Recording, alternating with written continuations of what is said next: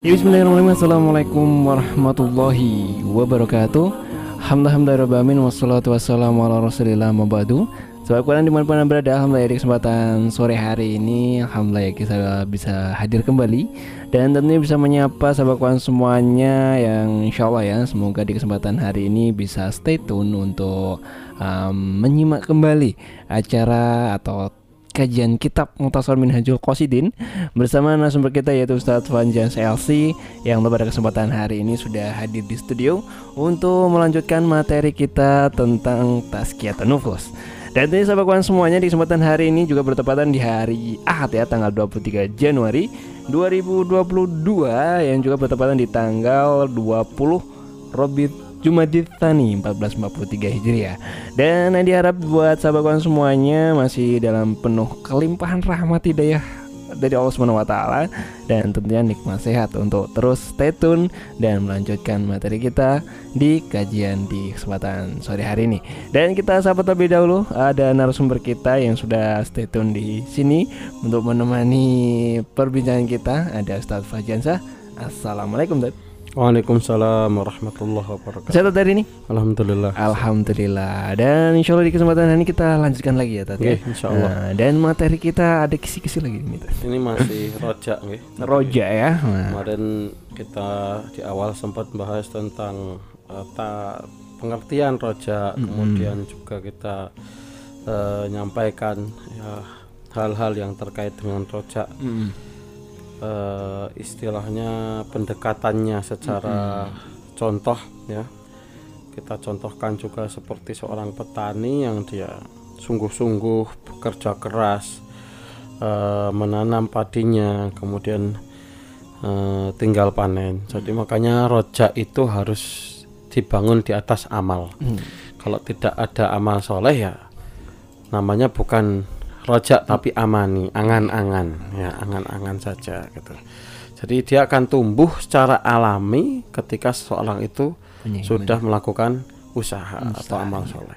Insya Allah sore ini kita akan bicara tentang fadilah fadilahnya rojak. Fadilah fadilahnya. Nah itu ada ya kisi-kisinya. Rojak apa sih harapan ya harapan harapan yang baik tentunya buat sahabat semuanya yang mungkin di tahun ini punya harapan yang tadi ya. Dan mungkin juga pengen tahu uh, fadilah-fadilahnya. Langsung aja Anda bisa bergabung di sesi kedua nanti di 081 229888864 untuk SMS dan juga WhatsAppnya. Dan bagi sahabat kawan semua yang pengen gabung via telepon silahkan ya. Nanti juga bisa tapi di sesi kedua nanti. Silahkan saja di 0271 dan juga di nomor WhatsApp kami. Atau bahkan buat sahabat kawan semuanya yang pengen gabung melalui fanpage Facebook dan juga YouTube untuk menanyakan permasalahan Tazkiyatun Nufus di materi kali ini atau mungkin materi-materi sebelumnya silahkan saja Anda bisa ketik di kolom komentar dan untuk lebih jelasnya kita persilakan beliau untuk memulai materinya Tafadhol Oke, okay, Bismillahirrahmanirrahim. Jazakumullah khairan uh, Mas Andi atas waktunya. Uh, sahabat Quran yang dirahmati Allah taala. Sore ini insya Allah kita lanjutkan kembali kajian kita, pembahasan kita tentang uh, kitab Mukhtasar Minhajul Qasidin yang insya Allah sore ini kita berbicara tentang uh, ar-raja atau harapan. Ya, lebih tepatnya yaitu keutamaan-keutamaan harapan. Qala al-muallifu rahimahullah taala berkata pengarang buku ini muallif uh, Ibnu Qudamah semoga Allah merahmatinya uh, ruya ya, diriwayatkan fi sahihain di dalam kitab sahihain ya Imam Bukhari dan Muslim. Min hadis Abu Abi Hurairah radhiyallahu taala dari hadis yang diriwayatkan oleh Abu Hurairah radhiyallahu taala anhu. Anin wasallam dari Rasul dari Nabi Shallallahu alaihi wasallam bahasanya beliau uh, bersabda Qala Allah Azza wa Jal bersabda berfirman Allah Azza wa Jal artinya ini hadis qudsi. Hadis qudsi itu hadis yang lafadznya dari Allah ya. E, maknanya dari Allah, lafadznya dari Rasulullah SAW. Jadi ini hadis qudsi.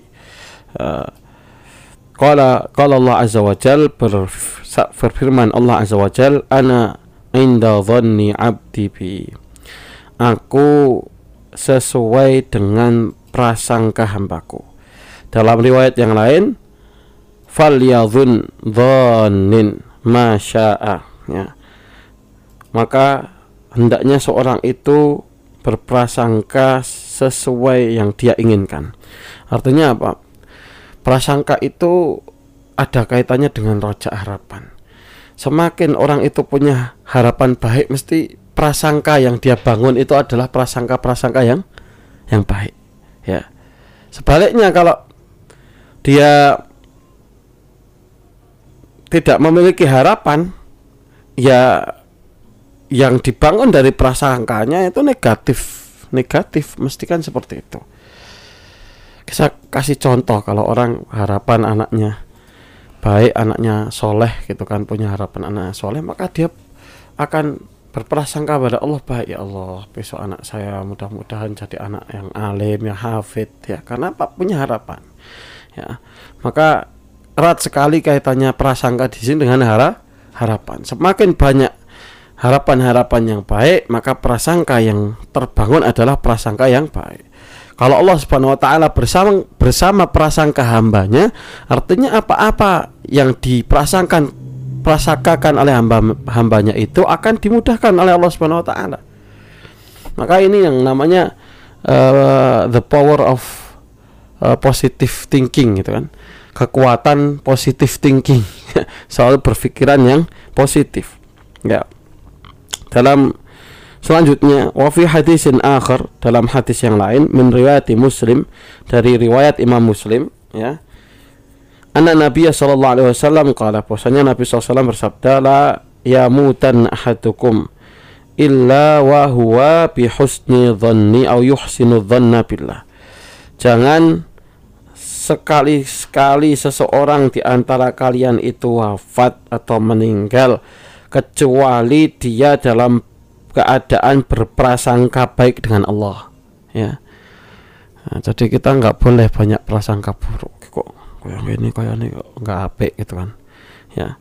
Jadi kayak ini aku rabakat kayak jadi wong sukses. Nah, gitu kan dari awal yang mengatakan kita gitu kan. Nah, saya nggak bisa ngafal Quran. Nah ini udah dari awal sudah apa?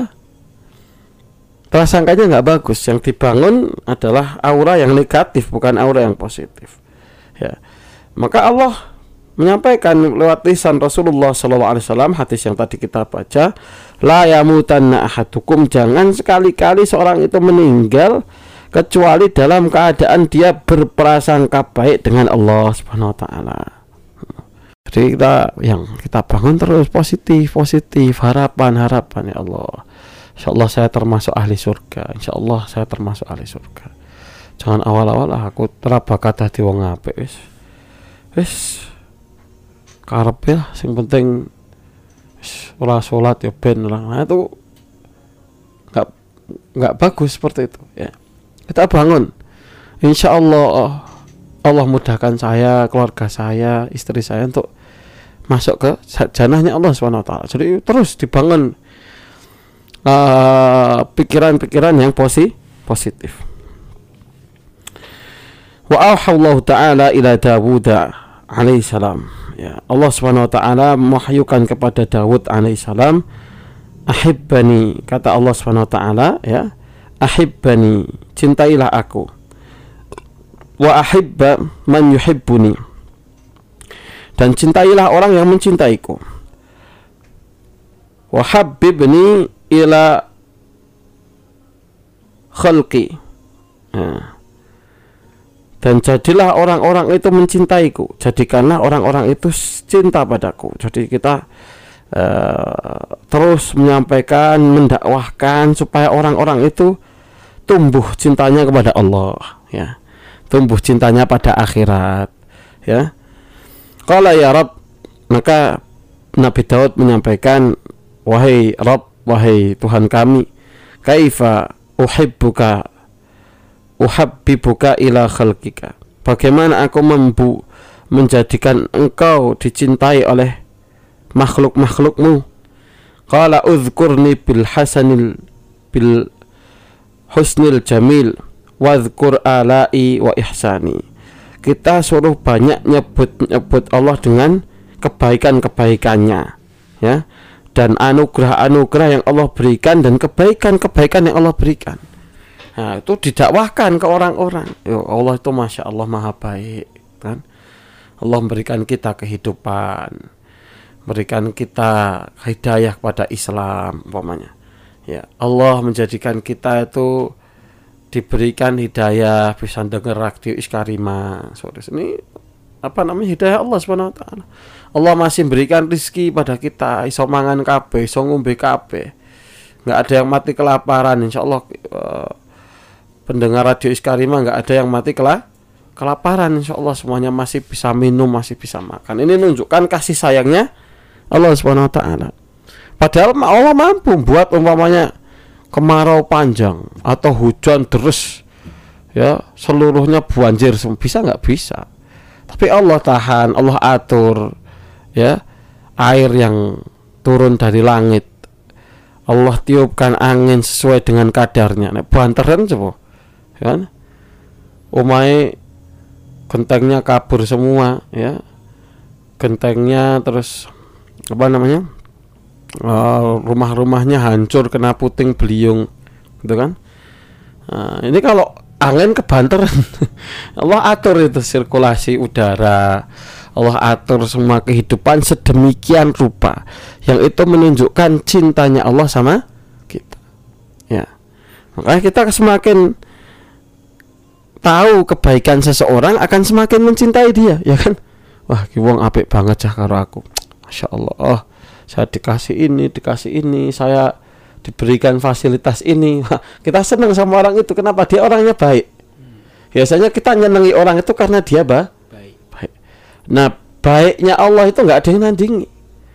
Makanya kata Allah kepada Nabi Dawud suruh nyebarkan itu kepada orang-orang di Lengke itu sing menyebabkan orang itu bisa ini bisa itu itu semuanya Allah yang menyebabkan anda bisa mendapatkan ini dan itu semuanya adalah Allah azza wajalla maka dengan itu orang-orang akan mencintai Allah ya Wa an Mujahid rahimahullah taala dari Imam Mujahid yu'mar bil abdi yaumal qiyamah akan diperintahkan uh, seseorang di hari kiamat ilan nar ya supaya dimasukkan ke neraka. Fayaqulu maka hadza dhanni.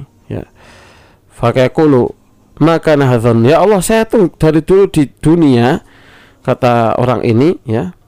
Saya tidak pernah berpikiran untuk masuk neraka. Saya selalu membangun ya Allah, saya termasuk ahli surga, saya termasuk ahli surga. Fayaqulu maka nadzanuka maka dikatakan pada hamba tersebut apa perasaan kamu dulu? antagfirali aku mem, selalu berprasangka kepadamu engkau mengampuni seluruh dosa-dosaku ya maka kata Allah Subhanahu wa taala khallu sabilahu. Kalau begitu lepaskan dia masukkanlah dia ke surga. Masya Allah. Itu kan gara-gara prasangka. Ini semuanya kaitannya sama roja harapan. Makanya jenengan ini sahabat Al-Quran semuanya harus wajib mengharap kita termasuk ahlul jan jannah. Ya semuanya masuk surga. Ya tapi tentunya tadi kita sampaikan di kesempatan yang kemarin ya kita usaha bukan tanpa usaha berarti kita harapan itu terus ah kalau kita sudah berusaha alhamdulillah saya sudah sholat lima waktu saya sudah ngaji Ustaz saya sudah dengerin radio Iskarim saya sudah berusaha berprasangkalah baik sama Allah kalau Anda punya dosa-dosa, kita selalu berharap Allah mengampuni dosa-dosa kita. Kita selalu berharap kita bertemu Allah sedangkan Allah Subhanahu wa taala ridho kepada kita. Itu yang selalu kita harus tumbuhkan dalam hati kita ini. Ya. Ini penting sekali, ya. Jadi ini uh, harapan, harapan ini masya Allah satu hal yang yang paling besar yang dimiliki seseorang sehingga dia dengan harapan itu memunculkan semangat dia bisa bergerak, dia bisa berjalan, dia bisa melaksanakan banyak hal karena harapan. Kalau udah nggak ada harapan, ya, mamanya seorang pegawai, ya saya kasih contoh. Dia pegawai kemudian dikabarkan, Pak, jenengan sampun di PHK. Suratnya masuk, datang ke rumah. Kira-kira dia besok berangkat kerja lagi nggak? Ah, males ya, ngopo nyambut gawe. PHK kok. Hmm. Kan? Kenapa dia kok malas berangkat kerja lagi? Loh sudah jelas nggak ada harapan di tempat itu. Berangkat ya orang bakal digaji.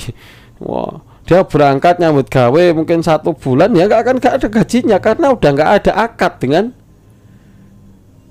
uh, tempat dia bekerja. Artinya harapannya udah diputus ya kan? Gitu. Ya. Makanya harapan ini yang buat kita itu bersemangat untuk melakukan amal-amal soleh. Maka harusnya tadi harapan itu dibangun di atas amal yang baik sehingga ya akan melahirkan ya uh, optimisme. Orang kalau harapannya besar, semakin besar harapannya semakin dia op optimis. Ya, itu ya. Uh, ini yang kita sampaikan. Insya Allah. Uh,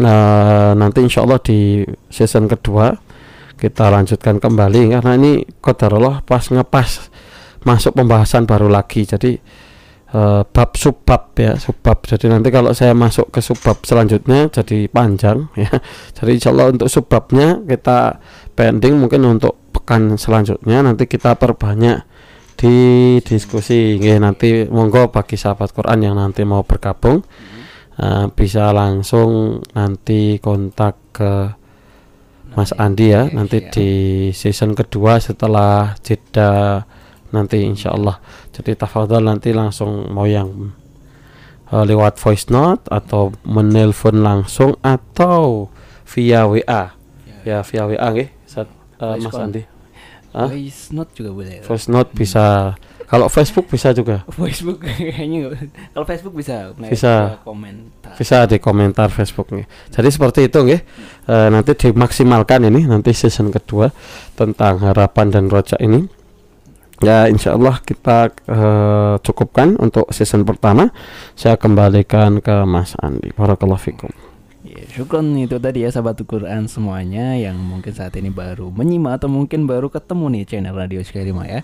Uh, anda sudah menyimak yaitu kajian kitab Muhtasor Minhajul Qasidin bersama narasumber kita yaitu Ustaz Fajan CLC yang alhamdulillah di kesempatan hari ini masih melanjutkan tentang loncat cuman ada fadilah tentang bagaimana harapan-harapan yang baik itu. Nah, tentunya buat sahabat Quran semuanya yang punya pertanyaan berkaitan tema kali ini silakan saja Anda bisa bergabung di line teleponnya di 02716980010 atau juga Anda bisa bergabung via WhatsApp kami di 081229888614 dan tentunya nanti kita akan kembali lah ya setelah yang berikut ini. Dan jangan ke mana-mana tetap di Tazkiyatun Nufus hanya di 99.9 FM Radio Iskarima sahabat Anda belajar Al-Quran Baik sahabat semuanya di mana pun anda berada kita masuk di sesi kedua ya. Dan tentunya saya ingatkan lagi sebelum kita mulai bacakan eh, pertanyaan-pertanyaan dari sahabat semuanya. Uh, Di kesempatan hari ini yang pengen gabung silahkan saja di 081 229888614 untuk SMS dan juga Whatsappnya. Dan bagi sahabat semuanya yang pengen gabung via telepon kita tunggu ya di 0271 698 Atau juga anda bisa telepon Whatsapp kami di nomor yang sama yaitu di 08 229888614 dan ini sudah ada penelpon. Kita terima dulu ya. Mana ini? Uh, oke. Okay. baik halo assalamualaikum. Assalamualaikum warahmatullahi wabarakatuh. Iya dengan siapa di mana? Dengan Julianto di Ngemplak. Uh, dengan Mas Julianto di Ngemplak. Monggo Mas Julianto. Silakan Mas. Ya Assalamualaikum Ustaz. Waalaikumsalam warahmatullahi wabarakatuh Ya, ini saya ada dua pertanyaan. Yang pertama, eh, sekitar minggu ini kan eh, perut saya kumat lagi, Ustaz. Okay. Jadi kalau sholat di masjid itu, kalau waktu ruko itu hmm. tidak bisa maksimal. Yeah. Tapi waktu sholat asar itu rakaat keempat, eh, rakaat ketiga sudah agak terasa sakit di ulu hati sama perut. Hmm. Agak saya maksimalkan. Lah rakaat keempat itu uh, mau susu tidak bisa hmm. saya cuma duduk lalu saya bungkukkan sedikit yeah. ya itu baiknya itu saya sholatnya di masjid itu duduk terus ataukah pakai kursi atau duduk di bawah ataukah memang ya eh, takbiratul ihram berdiri bisa hmm. kendalanya cuma kalau ruku sama sujud itu di perut sakit yeah. banget Ustaz. jadi yeah. saya tadi seperti mau mau semaput gitu loh yeah. nah yang pertama itu yang kedua kan saya ini katanya dokter sakit asam lambung baru tahun 2019 itu kadang sembuh kumat sembuh kumat. Itu kan ada orang yang bilang coba dirukyah aja mas? Siapa tahu nanti uh, ada yang ganggu jin atau ada kiriman gitu. Saya mau rukyah itu masih ragu-ragu ya atau enggak gitu. Padahal saya berobat di dokter udah lama herbal Iya. juga. Gitu mohon sarannya ya Ustaz ini saya yang membingungkan sakit ini jadi saya kadang mau pergi takut gitu pikirannya ke mana-mana gitu. Iya. ya itu Ustaz Baik. ya terima kasih Ustaz Iya. Assalamualaikum Waalaikumsalam. Waalaikumsalam warahmatullahi wabarakatuh. Eh, kita Langsung Doa. dijawab ya. Oke, kita doakan kepada Mas Julianto mudah-mudahan Julianto, ya. Allah segera berikan kesembuhan. Hmm. Jadi Allah berikan kesembuhan yang sempurna, Allah eh, angkat penyakitnya Hmm.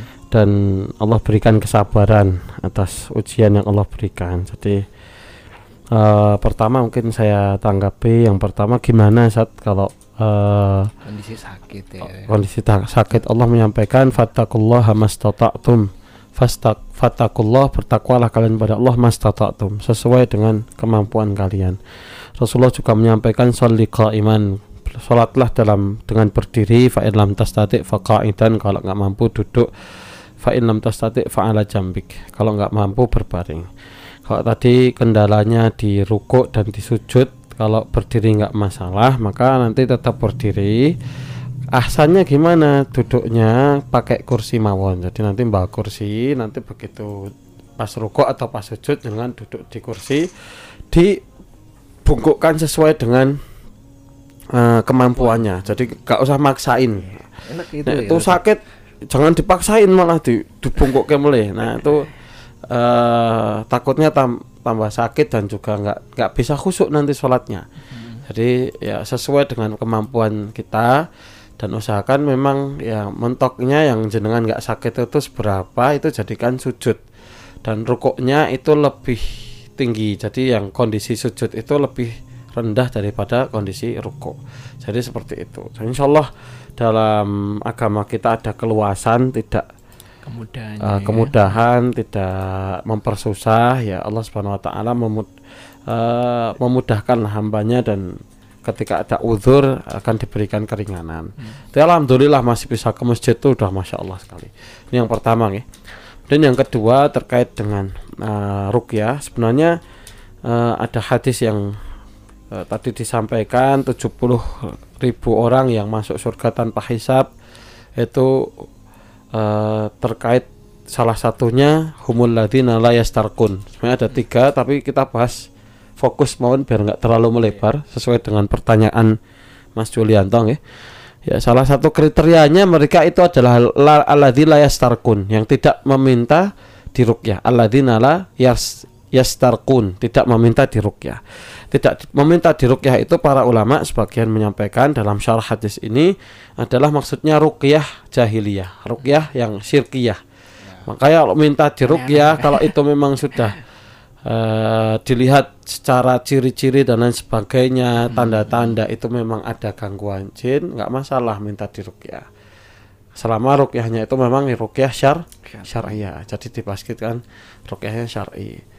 Jadi nggak apa-apa dan itu juga bentuk ikhtiar, ikhtiar Mas Yulianto untuk Mungkin mendapatkan kesembuhan. gitu ya, Dad, ya. Ya kalau minimal ya dirukyah pribadi dibacakan eh, ta'awudz, kemudian eh, Al-Fatihah, Betul, dibacakan eh, apa namanya ayat kursi akhir surat Al-Baqarah, kemudian tiga kul itu kul huwallahu ahad kul a'udzu birabbil falaq kul a'udzu birabbin nas tiga kali masing-masing kemudian ditiupkan minta kesembuhan sama Allah Subhanahu wa taala. Bismillah bismillah bismillah tujuh kali. A'udzu bikalimatillah min syarri ma ajidu wa uhadziruh. Itu kemudian ditiupkan di eh, juga ditambah doa Allahumma rabbana si adzibil ba'sa isfi anta syafi la syifaan illa syifauka syifaan la yughadiru saqama. Eh, kemudian bisa ditiupkan di tangan di eh, apa namanya di oh, usar di elus-elus apa itu bahasa Indonesianya itu diusap-usapkan. Elus-elus. Diusapkan ke tempat yang eh, sakit atau mungkin tadi ditiupkan di air kemudian diminumkan. Ya itu insya Allah mudah-mudahan jadi perantara kesembuhan. Dengan sendiri nggak masalah.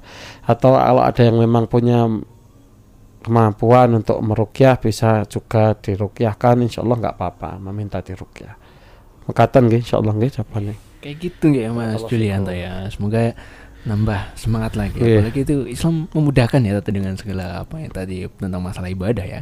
Kemudian kita ke WhatsApp dulu ya yang sudah bergabung di kesempatan hari ini ada uh, Kak Munifa di Solo. Alhamdulillah bisa nyimak lewat YouTube ya Alhamdulillah. Kemudian ada Zahro Nokosari. Ya.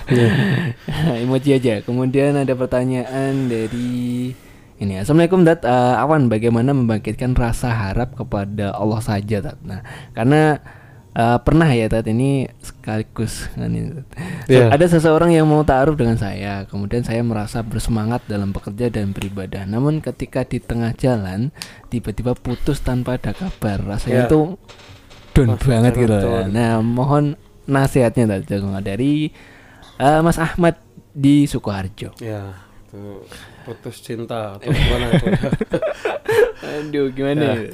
Mas Ahmad yang dirahmati Allah mudah-mudahan Allah berikan jodoh yang terbaik Amin, dipilihkan amin, yang soleh solihah diberikan pilihkan yang solihah yang benar-benar bisa insya Allah menemani Mas Ahmad sampai ke surganya Allah Subhanahu Wa Taala kita doakan insya Allah disegerakan jodohnya.